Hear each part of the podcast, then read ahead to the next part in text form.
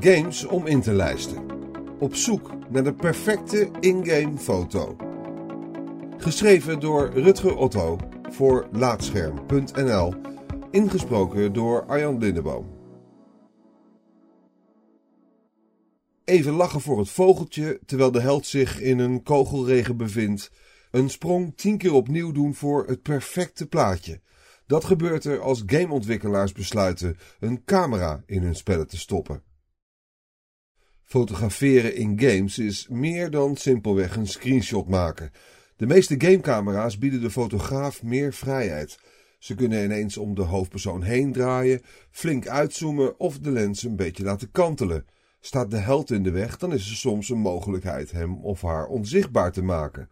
Voor de een is een wijd beeld van een stad al mooi genoeg, de ander vindt schoonheid in een afgelegen hoopje afval waar een ontwerper ooit op heeft zitten zwoegen. Degenen die hier voldoening uithalen, zullen hun games vast op rare momenten hebben gepauzeerd, bijvoorbeeld halverwege een filmpje, om de perfecte foto te maken.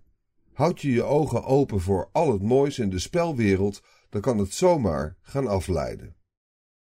James Pollock maakt fantastische in-game foto's en verzamelt ze op Instagram-account Virtual Geographic. Hij herkent die afleiding terwijl hij speelt. Vaak speel ik een spel eerst helemaal door, zegt hij. En dan ga ik terug en maak ik foto's. Anders ben ik steeds met twee dingen bezig. Daarnaast helpt eerst doorspelen om te zien of ik er überhaupt foto's van wil nemen. Niet alle games zijn daar geschikt voor. Ik speel veel goede games waar ik niet geïnteresseerd raak om de camera erbij te pakken. Voor Pollock begon het allemaal zo'n zes jaar geleden met games als Deus Ex, Human Revolution en Skyrim. Hoewel enkele games toen al een fotomodus hadden, pakte Pollock het anders aan.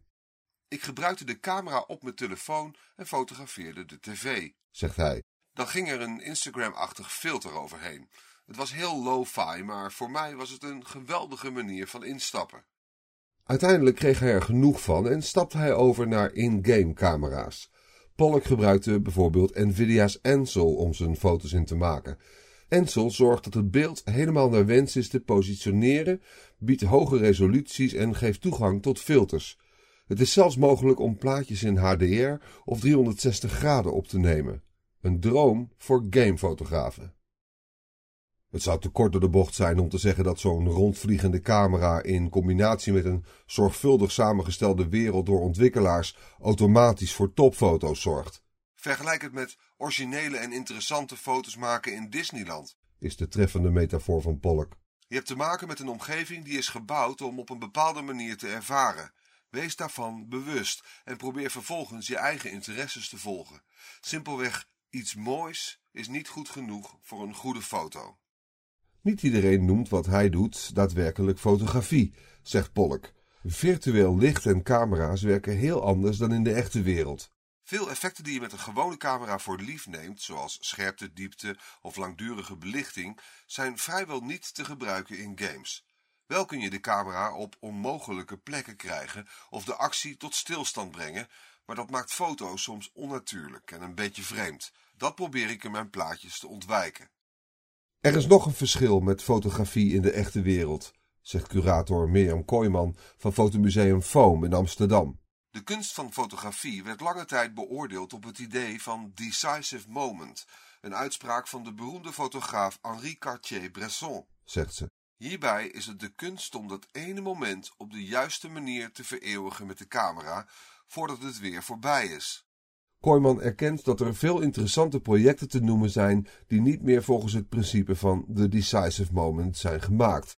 In-game fotografie valt al helemaal niet meer volgens dit idee te beoordelen.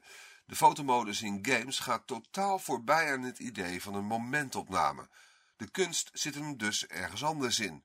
Mogelijk is dat de motivatie van de in-game fotograaf om een bepaald moment vast te leggen. Het zijn dan meer de artistieke overwegingen die het voor mij interessant maken. Het is een eeuwige discussie. Zijn games eigenlijk wel kunst? In enkele musea voor hedendaagse kunst doken ze al in verschillende vormen op. En gamefoto's, is daarvoor plek in een museum? Ja, wellicht, luidt erop het antwoord van de curator. Ze doet onderzoek naar dit thema. Fotografiemusea weten nog te weinig over het onderwerp, denk ik. Maar het is belangrijk om constant te ontdekken welke nieuwe vormen het medium van fotografie aanneemt. James Pollock fotografeert in games op een vrij traditionele manier. Op zijn Instagram-pagina zien we een stilleven op straat, een lichtval door het raam en vier mannen van boven aan een pokertafel. Uit welke games de foto's komen is bijna niet te zien en eigenlijk ook helemaal niet belangrijk. Waar veel screenshots op sociale media gratis promotie zijn voor spellen, zijn die van Pollock dat nauwelijks. Als een voorbeeld daarvan noemt hij een van zijn favorieten. Het plaatje toont meerdere mensen. Slechts één van hen is scherp en vangt het licht. Het is niet duidelijk welke game dit is, zegt hij. Geen van de mensen is belangrijk in het spel en er wijst niets op gameplay. Het vertelt een ander verhaal dan waar de makers voor gingen. Dat is een testament aan het werk dat zij leverden. Dat iemand als ik het kan ondergraven en verkennen.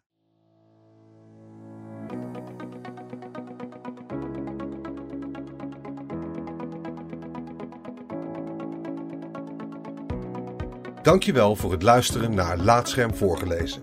Als je waardeert wat we hier doen, dan zouden we het leuk vinden als je even een sterrenrating en een recensie achterlaat op Apple Podcasts of de podcastservice van jouw keuze. Abonneer je ook op onze andere podcast, Praatscherm.